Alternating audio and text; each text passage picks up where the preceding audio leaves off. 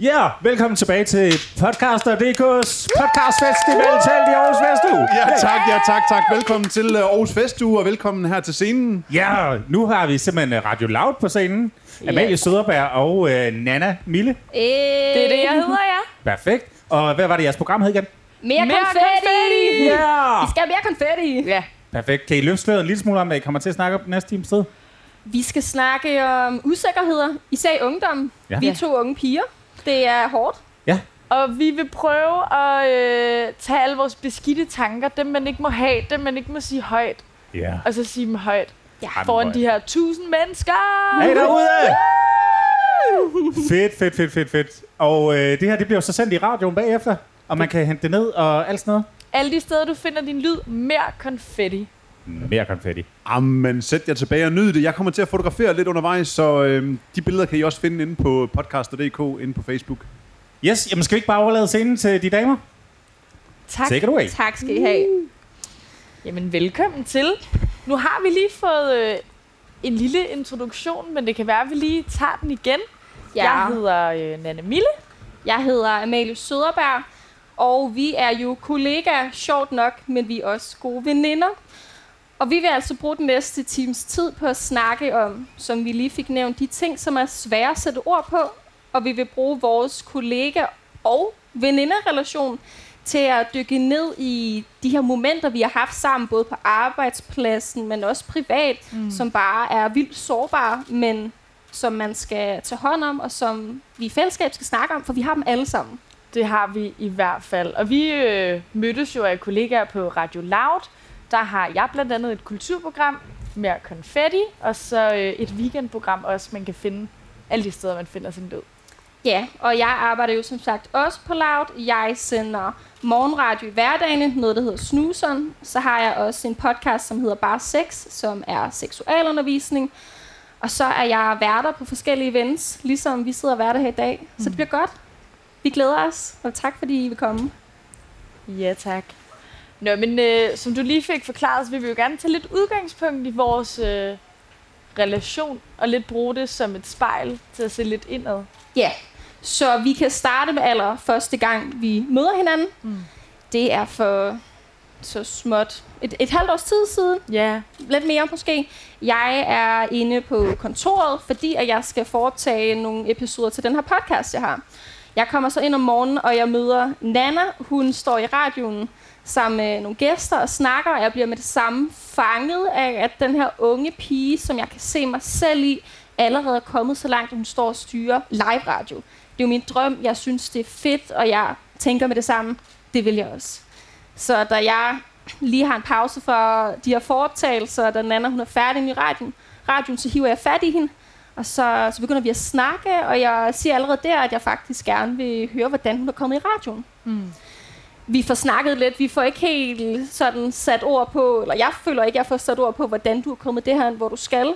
Så jeg opsøger dig faktisk både over besked, jeg har fået dit nummer, og jeg skriver også en Instagram-besked til dig. Og den vil jeg lige læse op, for det er sådan den officielle start på vores venskab. Den lyder, Hej så, med en sød smiley. Vil bare lige sige, at hvis du pludselig står og mangler en ekstra i dit program, ligesom du brugte din far her den anden dag, for det så jeg, hun gjorde, så vil jeg mega gerne hjælpe. Det sender jeg til dig, og så går der, der går lidt tid, før jeg får svar. Der går lang tid, før du får svar. Øh, og det er også fordi, der må jeg også bare indrømme, det er lidt pinligt at sige højt, men kæft, hvor blev jeg troet af den besked. Eller sådan egentlig burde man jo få den og tænke, gud, hvor dejligt, det er da et mega kompliment. Men straks så kommer alle alarmklokkerne i mig, og jeg tænker, øh, hvis jeg deler min hemmeligheder med dig til, hvordan jeg er nået dertil i min karriere, hvor jeg er. Hvad så, hvis du tager mine muligheder fra mig? Altså den her form for jalousi, man kan føle også i sådan nogle kollega-karriere sammenhæng, ikke? Altså det her med, hvis er der plads til os begge to? For det er jo netop det, som jeg relaterer så dybt til, og som jeg godt kan forstå. Mm. For jeg har det selv så tit i kollegaer-relationer, men i alle mine relationer, det her med, at jeg føler, at hvis den ene opnår noget, som jeg også gerne vil opnå, så kan jeg ikke også selv opnå det. Ja. Det er som om, der ikke er plads til alle især mellem kvinder, oplever jeg, især mellem mine veninder, som jo er mine største støtter Ja. og mine største inspirationer. Det er også dem, der gør mig mest usikre, Hej. når de oplever succes. Og det, øh, det oplever du altså med det samme i dig, da jeg skriver til dig. Ja, altså jeg tænker, skal vi til at konkurrere nu? Hvis vi er kollegaer, så kommer vi til at konkurrere om de samme stillinger, de samme timer. Det er jo også bare lidt pinligt at sige, det ved jeg ikke. Hvorfor føler jeg mig troet? Men det er så relaterbart, fordi da jeg ser dig, som jeg lige fornævnt her, så bliver jeg inspireret, og jeg tænker, fedt, jeg kan genkende mig selv i hende der. Men jeg tænker også, hvorfor er jeg ikke der?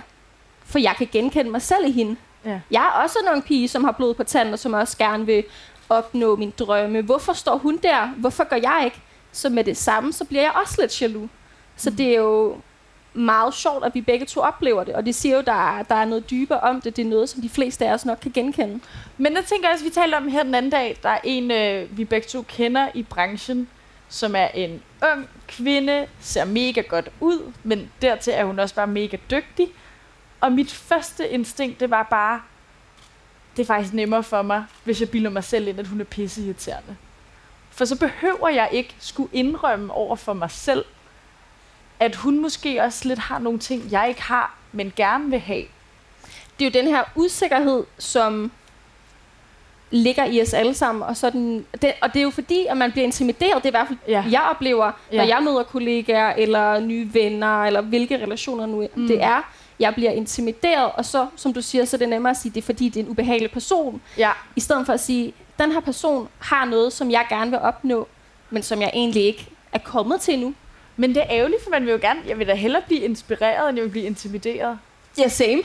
Så meget. Men, men alligevel, så er det, jeg føler, det er en nemmere følelse. Det er i hvert fald den, jeg har dyrket mest, så det er Ja. derfor, jeg skal være virkelig bevidst i alle mine relationer på ikke at gå den, gå den nemme vej, hvilket er at tænke, ej, den her person fortjener det ikke, Ja. eller hvor er de også nederen, i stedet for at tænke, det her, det er en øh, kol- kollega, øh, det er en veninde, det er et familiemedlem også, som virkelig har kæmpet for at opnå de ting i deres private og, og businessliv, som de har.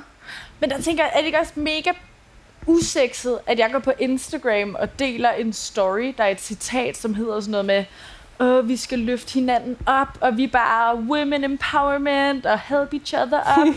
og så reblogger man det, men jeg svarer ikke på din besked, fordi, åh oh nej, hvis jeg får dig ind på den her radiostation, så kommer du til at tage mine timer, mine muligheder. Og jeg synes, det er så ubehageligt nogle gange, hvor grådig man bliver. Mm. Det er som om, jo mindre man har, jo grådigere bliver man, ikke? Men jeg synes, jo, men nu nævner du, at det ikke er dobbeltmoralsk. Det synes jeg faktisk ikke, det er, fordi du sidder og owner det. Ja. Og vi, vi er bare mennesker. Der er, jo, der er jo to sider af hver mønt. Vi er jo ikke perfekte. Nej. Og det er også det, som vi ofte snakker om, det her med, at man behøver ikke være 100% for at være god nok. Og Men, men det er bare vildt at kigge dig i øjnene og sige til dig, jeg føler, vi skal konkurrere. mm, Ja, det er ikke noget, jeg har lyst til, men hvorfor er det, jeg føler... Hvorfor bliver jeg bange. Ja. for, at du tager mit? Man har den her ejerskabsfornemmelse. Ja. Det er vildt ubehageligt.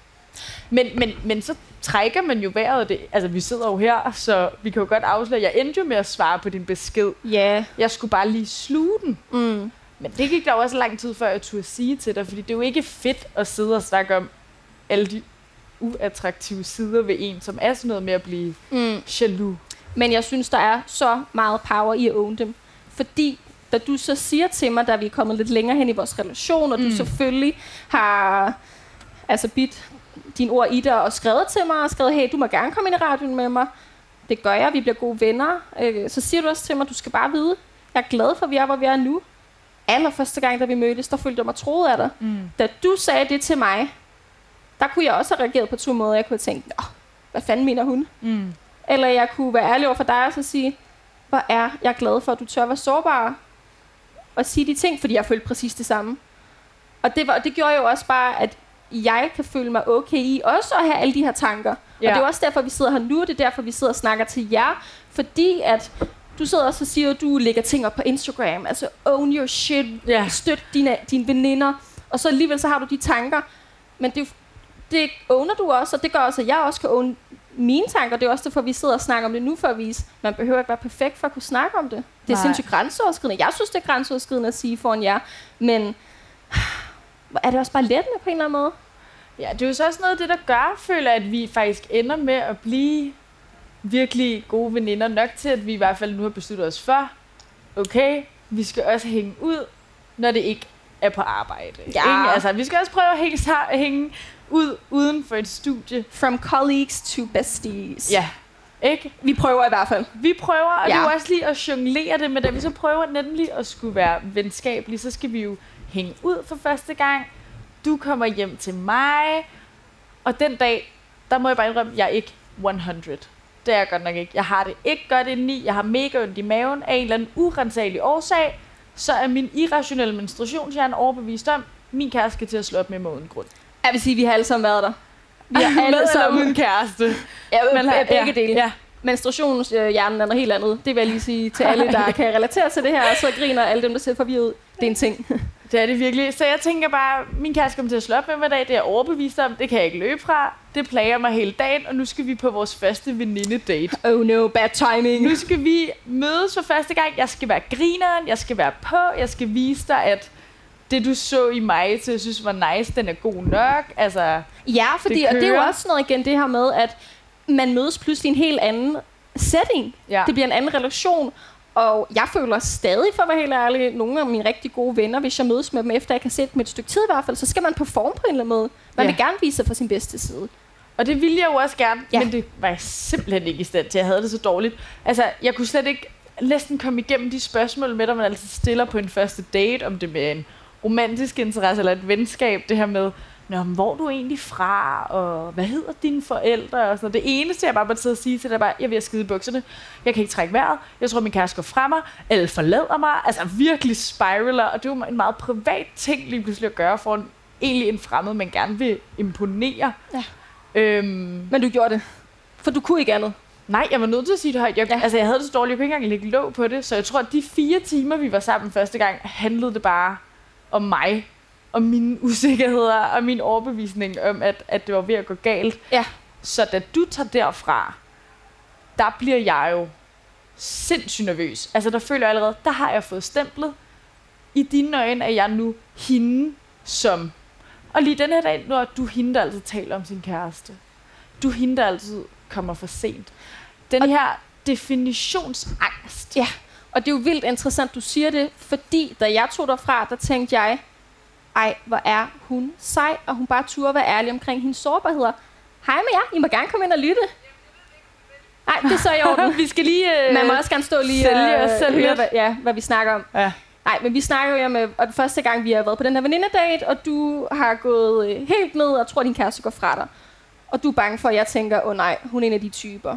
Ja. Men der tænker jeg bare, at den type er fed, fordi du tør være sårbar over for mig.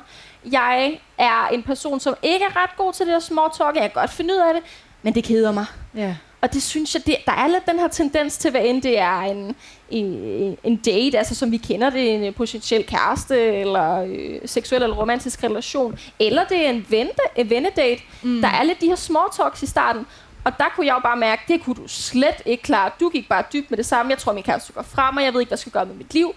Og selvom ja, det var nærmest kun det, vi snakkede om, så går jeg derfra og tænker, hende her vil jeg virkelig gerne være veninder med, fordi hun tør at være ærlig. Men den usikkerhed om at være bange for at blive stemplet som hende, eller den, eller Ja. typen, der i en eller anden form for ny relation, eller bare relation, det er jo også virkelig et udtryk for en meget endimensionel tankegang, ikke? At man kun kan være én ting, eller det du gør første gang vi ses, eller man møder en. Det er det, der definerer dig i den her relation. Men det er jo også interessant, at du er bange for, at jeg tænker, at du er kun det. Og når jeg så tager derfra og tænker, ej, hvor var hun mega nice. Så den her definitionsangst, vi snakker om, er jo ofte det her syndrom med, at, at jeg gør det selv. Vi ser os igennem, hvordan, altså igennem andres øjne, men mest af alt så ser vi os, som vi tror, andre ser os. Ja. Vi ser os egentlig ikke rigtig igennem andres øjne. Vi ser os igennem andres øjne i forhold til, hvad vi selv tror, de ser. Og det er så farligt, men jeg kender det selv. Nu øh, nævnte jeg til at starte med her, da vi introducerer os selv, at jeg blandt andet har en podcast, der hedder Bare Sex, som handler om sex og køn og mm. kroppen, seksualiteten. Og så sent som på vej herhen, vi bor begge to i København, vi er jo under teltet her i Aarhus Festuge, og vi hygger os. Vi sad og snakkede om, hvordan vi lige skulle introducere os selv, og der nævner jeg jo, ej, jeg har ikke lyst til at nævne min podcast. Fordi jeg tænker med det samme, jeg nævner, jeg også har snakket om sex, jeg har en podcast om sex, så føler jeg, at jeg bliver stemplet. Så føler jeg, at folk ser mig som en eller anden version af mig, som jeg også er, men som overhovedet ikke kun er mig. Og det er jo igen, det er også en angst for at blive defineret. Det var faktisk først, da vi sad og snakkede om det toget på vej herhen, og det går, at det går op for mig. Nu tager jeg ligesom afstand, nu tør jeg at own mig selv igen, og så sagde jeg, okay, jeg skal nok sige det til at starte med. Jeg vil gerne own det. Men du er jo også, altså man er jo, manden er jo også mere end en side af sig selv, det der med at blive stemplet og blive defineret som noget. Man er jo også, man er jo ikke kun, man er jo også det.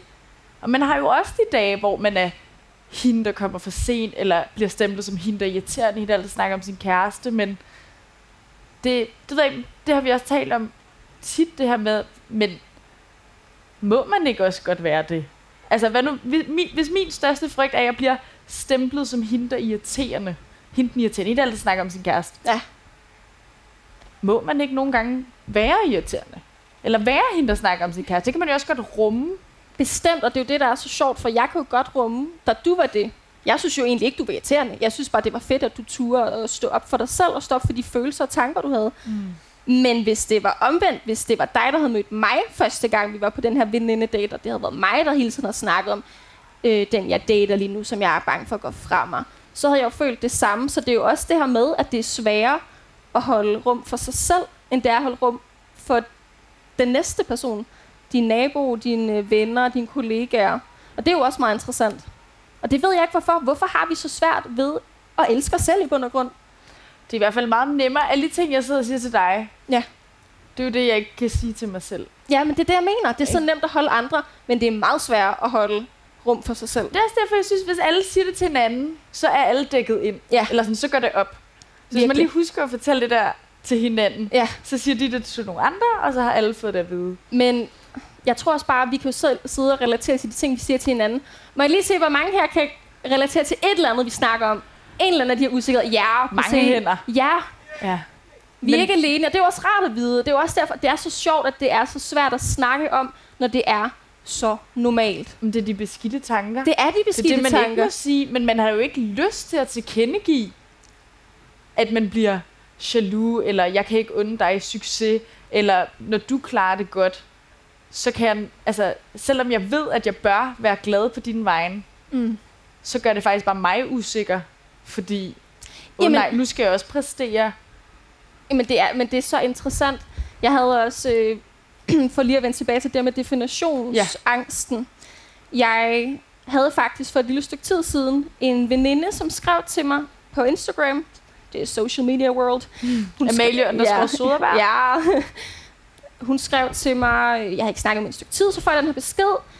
Mega sødt, hvor hun skriver, Hej Amalie, jeg øh, har fulgt lidt med, hvad du går og laver her på det sidste, og jeg vil virkelig gerne snart se dig igen, og jeg er virkelig inspireret af de ting, du gør. Og jeg synes, at det var den sødeste besked. Der var intet ondt i den. Altså, det var kun gode ord, og det var, jeg kunne bare mærke, at det var ment med så meget kærlighed og respekt. Og af en eller anden grund, da jeg læser den, så bliver jeg usikker. Mm. Og så tænker jeg, Hvorfor? fordi at de, de ting, jeg, øh, hun nævner, som hun er inspireret af, de, det er øh, nogle ting, som jeg ved at gøre, som jeg er stolt af, forskellige relationer, hvor jeg har været vært. Men jeg tænker også, åh oh, nej, er jeg kun den her, kan, er, jeg, er jeg ikke også længere bare veninde, som, som man kan relatere til og bare mødes Men nu skal du også til at leve op til noget. Jamen det er også Nu det, har, der... så får man, åh, oh, imposter syndrome, Ja. ikke? Hvor tit har man været der? Altså, It's det, er- real. det er næsten, jeg ved det ikke, jeg har hørt det der med, der er mange, der laver film, der siger, at det værste, der kan ske for dem, det er at få en Oscar. Fordi nu skal de bruge resten af deres karriere på at leve op til den Oscar, eller prøve at få den næste. Jamen, det er så interessant. Og jeg havde faktisk ikke tænkt over, at det var sådan en imposter syndrome, før du lige siger det nu. Mm. Men der var bare et eller andet i mig, og jeg blev så forvirret over det, fordi det var bare, altså, det var kun gode intentioner. Mm. Og jeg skulle da bare modtage det som en rigtig sød besked fra min gode veninde. Men jeg blev usikker. Og det er bare for at sige igen, altså vi sidder og snakker om ungdomsusikkerheder. Og jeg vil også lige understrege, hold kæft, jeg elsker mit liv. Undskyld at bande, men jeg elsker mit liv. Jeg elsker øh, min relation til dig, Ja. min kære veninde og kollega. Jeg elsker at sidde her lige nu. Men man må stadig gerne anerkende, at det er rigtig hårdt at være ung Men det kan også godt, ting kan også godt være hårde og gode og på samme gode tid. på samme tid. Præcis. Man kan godt synes, det er usikkert og nervepirrende, men mens man nyder oplevelsen, ja. eller sådan, det behøver ikke være enten eller. Nej. Og det er jo også netop det her med den endimensionelle tanke om, nu er du stemplet som hende, Mm. typen, ham, der altid gør det, hende, der altid gør det, når vi er Ja. sammen, ikke? Hvor man kan jo også snakke om det, her, elsker man nogen i en relation på trods, eller elsker man dem fordi? Uh, den har jeg hørt så tit, og det er så godt. Er det på trods din fejl, jeg elsker dig og holder af dig, eller er det også fordi? Og jeg tror ikke nødvendigvis, den ene er bedre end den anden, Mm. men det er bare sådan lidt, man kan øve sig i at tænke, Men det er jo også så interessant, og det er jo også derfor, at vi sidder sammen lige nu, og vi har valgt at have den her samtale med jer og foran jer også, fordi at relationer, hvad end det er kollega, veninde, ven, kæreste, familie, alle de relationer, vi har, er jo også et spejl til os selv, mm. og man lærer så meget om sig selv igennem mødet med andre. Og det er også derfor, vi sidder og snakker, og snakker om vores relation, bruger vores øh, venindeskab og kollegeskab som springbræt for, hvad vi, for alle de her usikkerheder. Fordi de bringer så... Jeg har virkelig oplevet mange usikkerheder, men jeg har også oplevet så meget tryghed i at kunne dele dem med dig. Og det er udforske fordi, dem med dig. Ja, men det er fordi, nogle gange så andre mennesker kommer lidt til at holde et spejl op foran en selv. Så meget. Og det er ikke altid, man kan lide det, man ser, og så er det sgu lidt nemmere bare afskrive det, eller Ja. så gider jeg ikke forholde mig til det. Men det er en invitation, hvis man er bevidst på det. Hvis man er opmærksom på, at det faktisk er en invitation til at gå dybere i sig selv, Mm. så går det op for en. Den her person har måske noget at lære mig. Du har lært mig meget. Jeg, der sidder her og smiler. I lærer mig også noget. Vi lærer alle sammen noget af hinanden, og det synes Ja. jeg faktisk er ret smukt. Ja, nå, der kom et smil frem, tak. Fik det. Det er super. Jamen, hvad sker der så i bare sådan rent kronologimæssigt, ikke? Altså, vi har mødtes for første gang. Ja, Jeg havde totalt øh, komplekser. jeg kom til at sætte jer. Hej.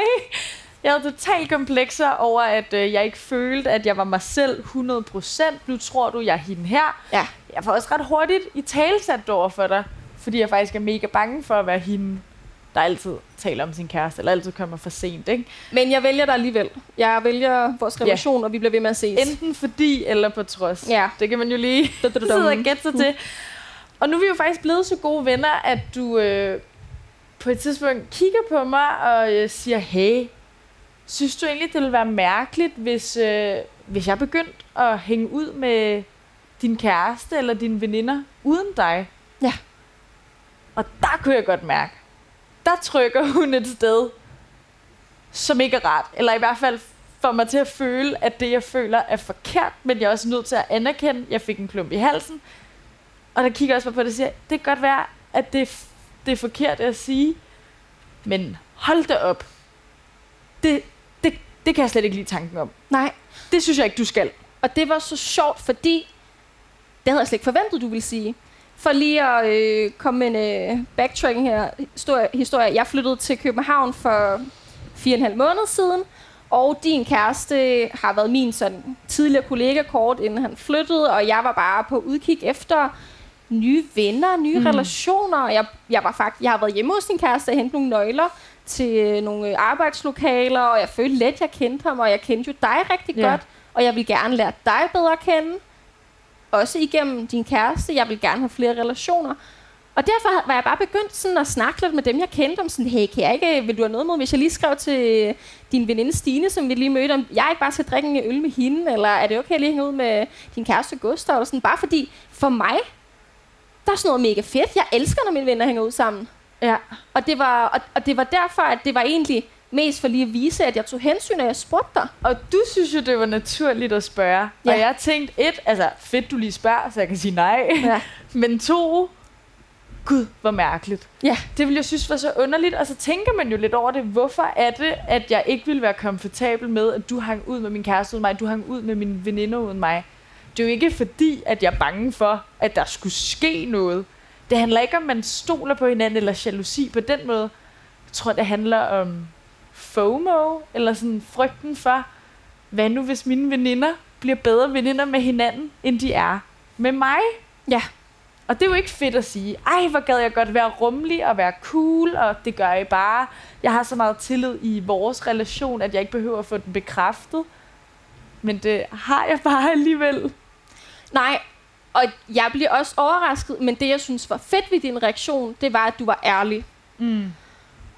Fordi hvis du ikke havde været ærlig, så kunne du heller ikke forvente, at jeg tog hensyn til dine følelser og dine tanker.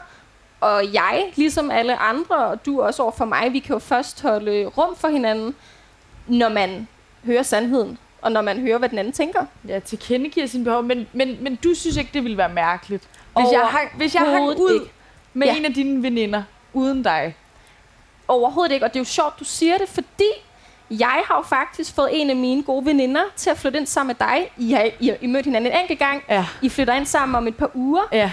Min, øh, min rigtig gode veninde Mathilda, som øh, stod lidt efter værelse, og jeg vidste også, at du ledte efter en ekstra roomie. Og det var derfor, jeg, jeg spurgte dig først, hey, lyder hun ikke nice? Og du sagde, jo, hun lyder da meget fed. Jeg ringede til hende og sagde, Mathilda, jeg har et sted til dig. Og I skal nu flytte sammen.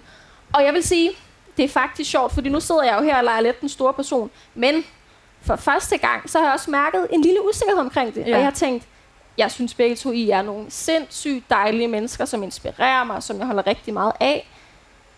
Hvad hvis I lige pludselig vil hinanden mere end mig? Så jeg kan Mm. godt forstå det. Mm. Men så har jeg også taget mig selv i det og tænkt, indtil videre, så har det jo bare været fedt, når alle mine relationer kan sammen, og når de også løfter hinanden op. Men jeg kan godt forstå det, fordi for første gang, så kan jeg også selv mærke det. Men jeg synes også, det er vildt, du ikke har kunne mærke det før. Altså, der fik, det fik jo også mig til at føle, åh oh, nej, nu har du offret dig for mig. Du har seriøst fået mig til at flytte ind sammen med din veninde. Så kan jeg da ikke kigge på dig og sige, du ikke må hænge ud med mine veninder uden mig. Men vi har jo også bare forskellige... Jeg skulle lige til at Grænser. sige, vi, og ved du hvad, jeg vil ærligt, jeg kan sagtens kigge øjnene og sige, jeg vil elske, hvis jeg kunne drikke en øl med din kæreste uden dig. Jeg, Ja. Det ved du. Det er derfor, jeg spurgte. Jeg vil, Jeg havde det. ja, nej, men det vil jeg. Jeg vil elske, hvis jeg kunne hænge ud med dine venner uden dig, fordi ja. det synes jeg sagtens, jeg kan. Ja. Men jeg elsker dig alligevel lige så meget, fordi jeg ikke kan, fordi at vi har, vi, vi har plads til hinanden. Der er plads til, at du kommer, som du er, fordi jeg også ved, at der er plads til, at jeg kommer, som jeg er. Ja. Ikke? Og jeg tror jo også, det er dig, der har fat i den lange ende. Altså, jeg ville elske, hvis jeg kunne synes, noget var fedt. Mm. Men jeg ved ikke, der har jeg tænkt, Men hvorfor er, det, du- det så ikke? Det er også, jeg synes også, det er interessant. Hvorfor tror du ikke, du kan? Når du ved, at... Jamen, det er FOMO. Mine altså, intentions. Det ved jeg ikke. Måske er det også okay at sige, at jeg har betinget kærlighed til dig. Ja. For jeg vil jo gerne sige, at jeg elsker dig ubetinget og lige meget hvad. Men det er vel også lidt betinget, hvis jeg tænker, at jeg under dig alt. Alle karrieremuligheder, alle venskaber. Er du bange for, at jeg Bare overtager det dit ikke liv? lige... Jeg under dig alt. Ja. Bare det ikke er på bekostning mm. af mig. Og det er ikke særlig fedt at sige. Man lyder ikke som en god veninde. Det gør man jo ikke. Jeg ville da hellere kunne kigge dig i øjnene og sige, du gør hvad end du vil. Jeg stoler på dig, man hænger ud med hinandens venner. Men det er mega svært. Og så kigger jeg også på sådan en som min kæreste. Han har en vennegruppe, hvor det er alle mennesker, han holder af i sit liv, der altid er samme sted. Og det eneste, de har til fælles, det var til at starte med, at de kun kendte ham. Ja. Og så sidder jeg alligevel, og græsser er altså grønnere, og så sidder man og tænker, okay, det kunne faktisk være ret fedt. Jeg gad da godt samle alle de mennesker fra forskellige steder i mit liv. Dig, en jeg er gået i folkeskole med, min søster. Så det er os, der er min faste kerne vennegruppe nu. Men så når det kommer til stykket, Mm. så bliver jeg, jeg får ejerfornemmelse, og jeg kan jo ikke lide at få ejerfornemmelse. Jeg synes du ikke, det er en attraktiv side at sidde og fremhæve. Men jeg kan mærke, at igen det der kommer op i mig, frygten for at miste, bliver så stor, at jeg føler, at jeg får sådan nogle store klør og bare hænger fast. Men det er jo stadig relaterbart, og det er jo også derfor, at jeg gør holde space for det, fordi jeg forstår det jo godt, selvom jeg ikke direkte kan føle det samme, som du gør, så forstår jeg det jo godt. Og det er jo også det, jeg siger, nu kan jeg også begynde at mærke det nu, og jeg ved også, grund til, at jeg siger, at jeg kan mærke det, det er fordi, jeg så for mig her den anden dag, at min rigtig gode veninde, som flytter sammen med dig om et par uger, at jeg på et tidspunkt hører en af jer fortælle om, ja, så, øh, så var øh, jeg ude med Nana, og vi fik en øl, og så endte vi med at tage til fest, og det var den fedeste aften. Og det så jeg ligesom for mig ville ske, for det kommer til at ske, det ved jeg. Og der bliver jeg vildt ked af det. Jeg føler mig ikke så usikker, jeg bliver bare ked af det. Jeg tænker, jeg vil også være en del af det der. Så det er for mig ikke frygten for at miste det, jeg har til jer, men det er mere frygten for at miste de oplevelser, jeg kan få med jer. Giver det mening? Det giver vildt god mening. Ja. Jeg tror også, det handler om for mig, at jeg ikke nok for dig. Mm. Og det er jo også en syg tanke, når man hører det blive sagt. Altså, sådan, det er jo slet ikke det, det handler om, at man kan jo ikke måle relationer og sammenligne på den måde. Det kan man jo ikke. Altså det, jeg måske får ud af min relation til dig, er jo noget helt andet, end det, jeg får ud af min relation til en af mine andre veninder, eller nemlig hvis jeg kender en, som du kender. Ja. Så man kan jo ikke sætte det op på den måde, men vores hjerner vil bare gerne. Det ved jeg ikke. Jeg ved ikke, altså... Nu sidder her også nogen, som ikke er 21 år, som også... Bliver det bedre? Altså, er det her en ungdomsusikkerhed? Eller er det noget, der også bare følger en? Jeg håber, at det bliver bedre, i hvert fald. Eller man bliver Ved lidt du hvad? bedre til at hvile Altså, i det. Det, det, det tror jeg, det gør. Men jeg må også bare være ærlig og sige, tror altid, der vil være nogle dybe usikkerheder. Og det er jo også okay. Det er jo også derfor, vi sidder og snakker med og til jer, fordi at vi gerne vil normalisere og snakke om mm. de her Mm. ting. Jeg har lært så meget af at sidde og kigge dig Nana, dybt i øjnene mange gange og sige, jeg er sindssygt usikker i vores relation, jeg er sindssygt usikker i mine andre relationer, sidde og snakke om de her ting, som jeg synes er skamfulde, og du alligevel gang på gang tilvælger mig, tilvælger vores relation. Så det er jo også det her med at lære, at det er okay ikke at komme. Nu siger du, du vil gerne være 100%, du Mm. vil gerne kunne give 100%, du vil gerne altid være den der, der, der bare er den bedste version af dig selv Mm. i alle relationer. Men, og det vil jeg også. Men det kan man bare ikke. Jeg kan faktisk huske for øh, et par uger siden, så kommer jeg hen til dig, og jeg mener lige, jeg, jeg har været på en date, eller skal til at på en date. Og så, Det kunne øh, godt være. Ja, man er vel ung. Nå. Og så, øh, så kommer vi hen, og så siger jeg, jeg er virkelig usikker på, at jeg har lyst til at afløse den her date.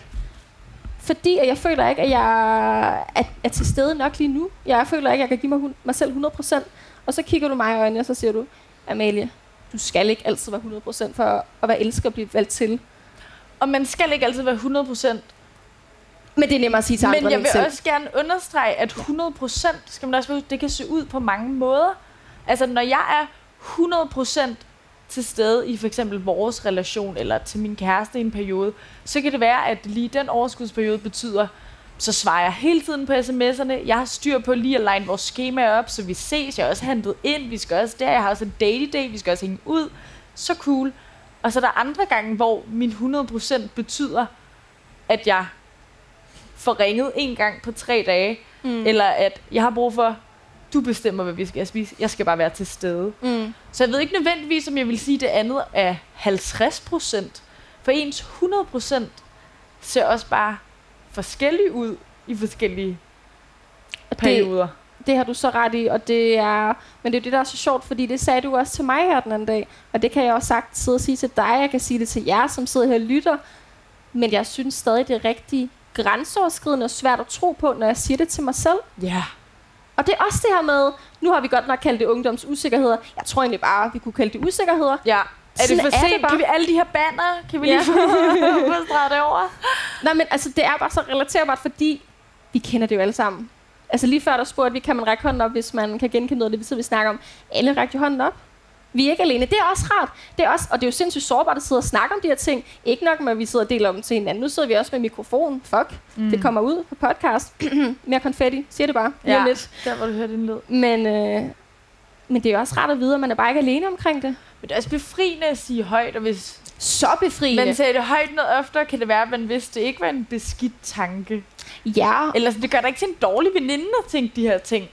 især vi ikke, alle hvis, sammen gør det. Ja, og det der med, at man tør at åne den, man er. Man tør at åne de ting, man synes er gode, og man tør at åne de ting, man er mindre stolt af. Det synes jeg er inspirerende. Alle de mennesker, som jeg ser op til på en eller anden måde i mit liv, er nogle mennesker, som hviler nok i dem selv til at kunne være ærlige over for dem selv og resten af verden med den, de er. Også de sider, de ikke er så stolte af. Det er en tillidserklæring. Det er så meget en tillidserklæring.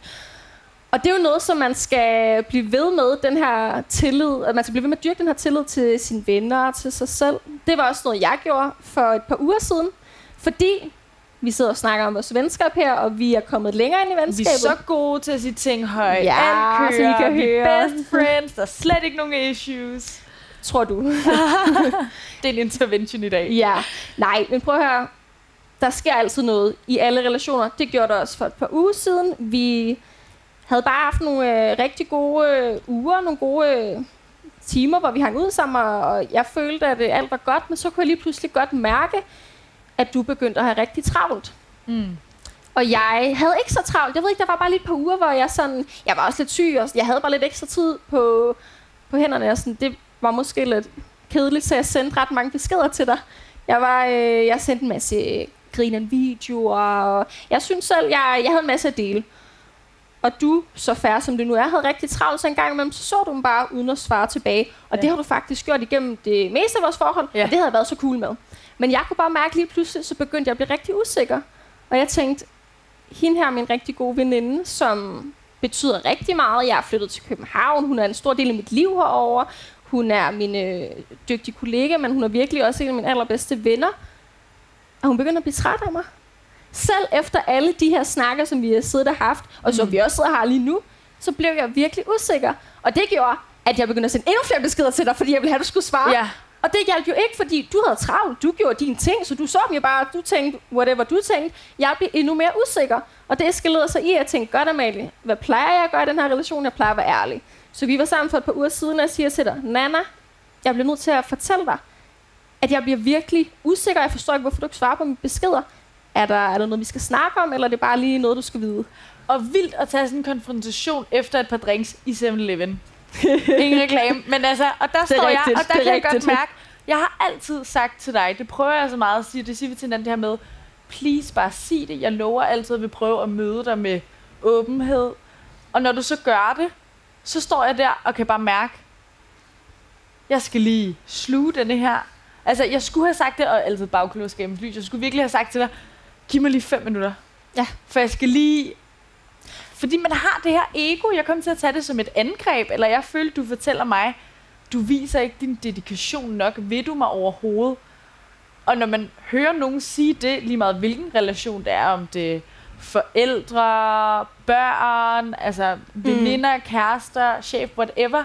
Hvis man, hvis man prøver at ytre, jeg er faktisk usikker på, jeg har brug for lidt validering lige nu. Mm. Så det er sjovt, at modparten, og det var det, jeg gjorde i det øjeblik, Ja. at jeg helt oprigtigt, selvom det ikke er fedt at sige, tænkte, det er et angreb, for nu fortæller du mig, okay, validerer jeg dig ikke nok? Jeg gør alt, hvad jeg kan. Jeg har givet dig 100% i de her uger. De ser anderledes ud end 10%, 100% tidligere set ud. Men det er som om, du angriber mig for ikke at gøre nok. Og så kunne responsen ligesom godt være, jeg bliver faktisk irriteret over, at du klandrer mig for det her. Men så trækker man lige vejret, og der fik jeg også sagt til dig, prøv at høre, det, øh, tak for at dele. Det sagde du, og Det, det prøver jeg altid at sige først. Tak for at dele. Og det var rigtig dejligt. Det sagde du. Jeg må indrømme, jeg kan mærke, at det trykker på mit ego, og jeg ved ikke hvorfor. Og jeg kan mærke, at jeg ikke har lyst til, at det skal gøre det. Jeg synes ikke, det er fedt, men det gør det. Ja. Og så skal jeg lige finde ud af, hvorfor. Mm. Og det er jo fordi, jeg følte, du klandrede mig for noget. Men så når man lige fik trukket vejret, så kan jeg jo godt se, du tilkendegiver egentlig bare et behov. Du fortæller mig egentlig bare, jeg har lige brug for, at du siger, at du ser mig, og, øh, og sådan afkræfter det her narrativ, jeg har bygget op. Ja, og det synes jeg faktisk, og det er jo noget, vi har snakket om, og det synes jeg virkelig er rigtigt, det her med, man kan heller ikke gå og forvente noget om nogen, hvis man ikke lige har vendt det med dem. Der er to sider til hver mønt. Det er så færdigt, at man lige lufter, hvad man tænker, men man skal også være åben for, at der er et andet perspektiv. Og det var jo også det, jeg gjorde med dig, hvor jeg sagde, hey, jeg har ligget og haft alt for meget tid. Jeg er blevet mega usikker. Jeg, jeg har ikke lavet andet end at tænke. Jeg sender alle de her ting til dig. Hvad sker der? Og så er du sådan, der er intet i det. Og det var egentlig bare det, du skulle sige til mig. Ja. Efter det, så var jeg sådan, ja, we good. Alt er fint. Og Men- det, Men det handler jo heller ikke nødvendigvis om bare at lægge sig ned og være sådan og ofre sig selv for relationen, for at det bare skal køre smooth, for det er jo heller ikke... bestemt ikke, men, Ægte. men når du siger til mig, at, at we're good, så tænker jeg jo, Ja, "Nå, okay. okay. for det var det, jeg sagde, det mente jeg, det er der virkelig ikke noget i, tak for at sige det. Ja. Men når det så er sagt, så kan jeg heller ikke have en forventning om, at jeg skal være tilgængelig 24-7. og det sagde du For også. jeg har en telefon, ja.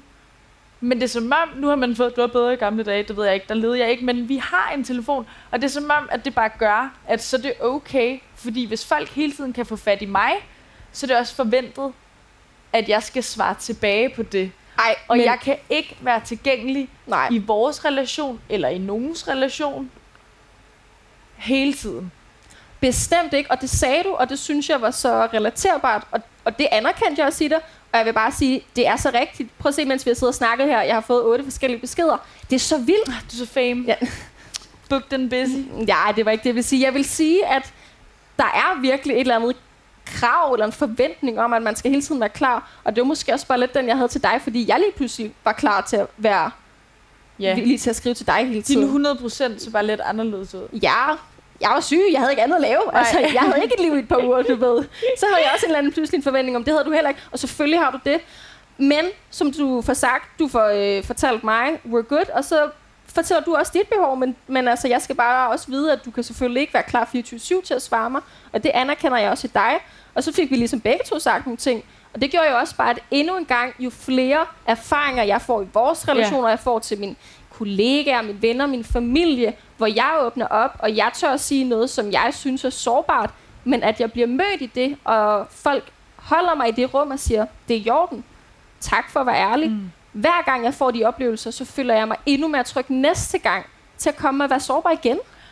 Og det er jo også det, jeg skulle sige. Jeg ved ikke, om man kan høre det på os, nu hvor vi har siddet og snakket om det så længe. Vi er sådan nogle typer, der har tendens til at overtænke lidt. Vi typerne. ja, som man jo tit gør, ikke, når man projicerer sin... Så vi snakker rigtig meget om mange ting i forholdet. Ja. ja. Men... Ja, hvad sagde jeg?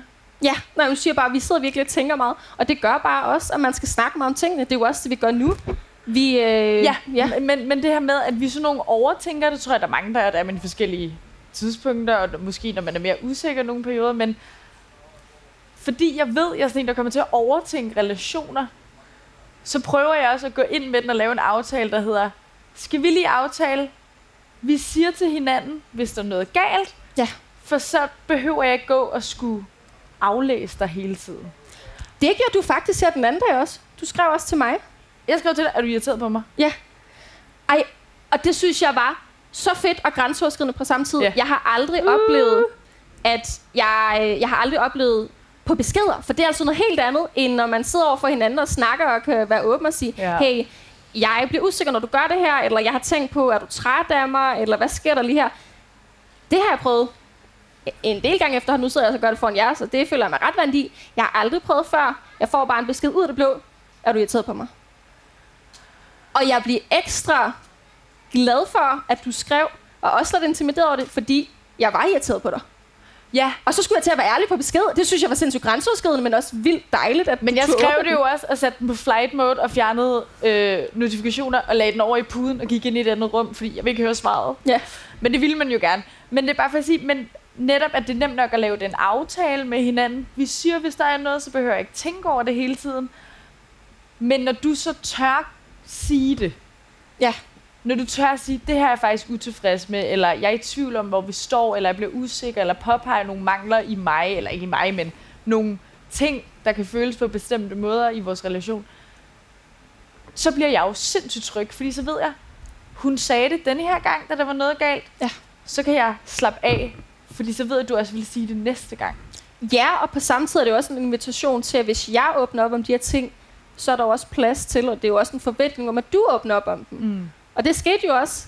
Jeg øh, fik sagt til dig, at jeg var usikker på, at du øh, ikke svarede mig. Mm.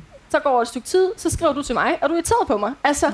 så kan vi have de her snakke, og så kan vi hurtigt ligge os ned igen og finde ud af, det var bare noget, der var i vores hoveder.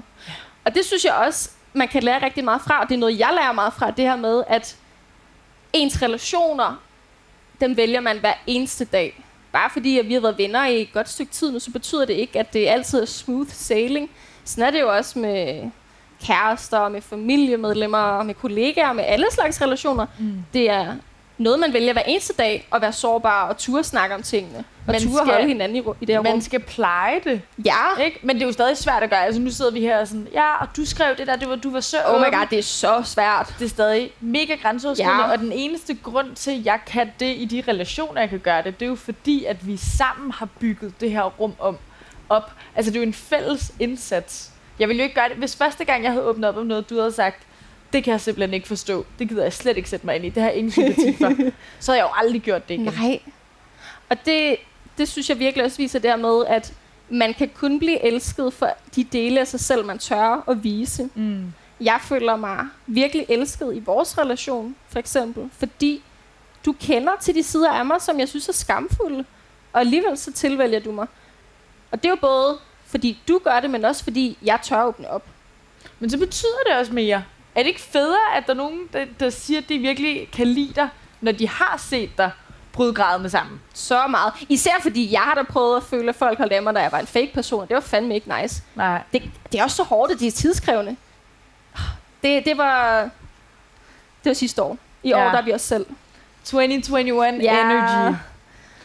Så er det bare noget med, at vi øh, fortsætter med at sige til hinanden, at man prøver at være ærlig og møde hinanden med åbenhed. Og Og at man gerne må være usikker, og man gerne må være sårbar, fordi det er der også plads til. ja, Ja.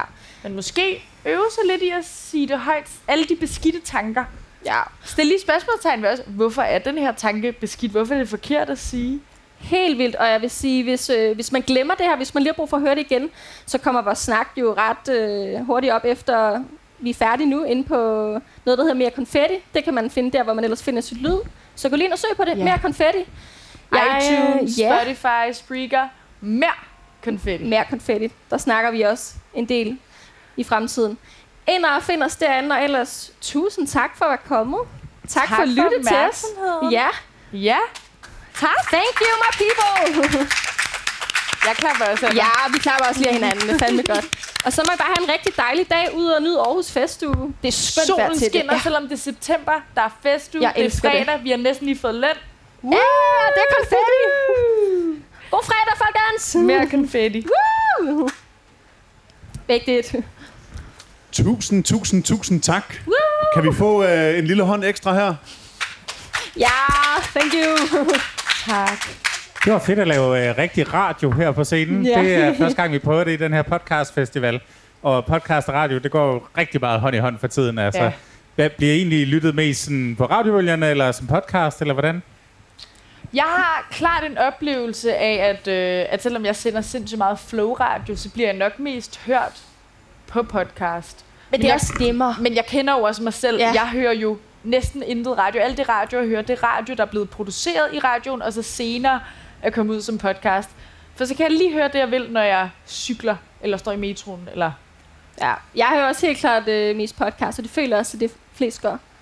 Men det kommer også ud som podcast, så det er jo perfekt. Ja, Det er perfekt, og det er Ja. perfekt i en podcastfestival, som det Ja. her jo egentlig er. ja. Så, øh, så, så, så tusind tak. Jeg blev totalt sendt tilbage til min øh, ungdoms øh, opgør med mig selv og mine venner og så Er det videre. rigtigt? Identitetskrise! Ja, præcis. Ja. Ja. Men, øh, og så tror jeg egentlig bare, jeg kan sige, de spørgsmål tror jeg, man stiller sig selv resten af livet. Jeg skulle lige sige, bliver det bedre? Ja. Jeg tror, man øh, hurtigere sådan flyver hen over det og lader det ligge. Men mm. jeg tror, det er tanker, man altid har. ja. Og det er fair. Det skal der også være plads til. Ja, det Ja. håber jeg da. Altså, jeg Ja. håber da ikke, man begynder at reflektere mindre. Nej. Men måske hvile lidt mere i refleksionen. Men det er fedt, at øh, I tager snakken, og det var en rigtig fin, Tak, velformuleret debat. Så, Tak. Tak. tusind tak til Mere Konfetti. Uh, tak for det. Og øh, podcastfestivalen for vores vedkommende fortsætter i morgen lørdag, hvor vi har to ting på programmet med øh, sløjtlæsning og øh, siden sidst. Yes, vi går i luften klokken 16, tror jeg, med sløjtlæsning det er. Og øh, det er altså fanfiction, der bliver taget under kærlig Oh my behandling der. god. Jeg har skrevet øh, et par kapitler. Perfekt. Jan og Jannik, mener jeg, det hedder de to herrer, som sidder og giver det et skud. Og efterfølgende, så er der øh, podcasten siden sidst kl. 18. Og der ved jeg i hvert fald, at der bliver mega meget gang i den, når Sati og Sofie, som har den podcast, øh, fyrer den af. Det er vist både noget med dans og en hemmelig gæst, og jeg skal komme efter dig. Så øh, kom endelig tilbage her i morgen, hvor vi har sidste dag i vores podcastfestival her i Aarhus Festuge. Sådan. Det gør vi. Whee!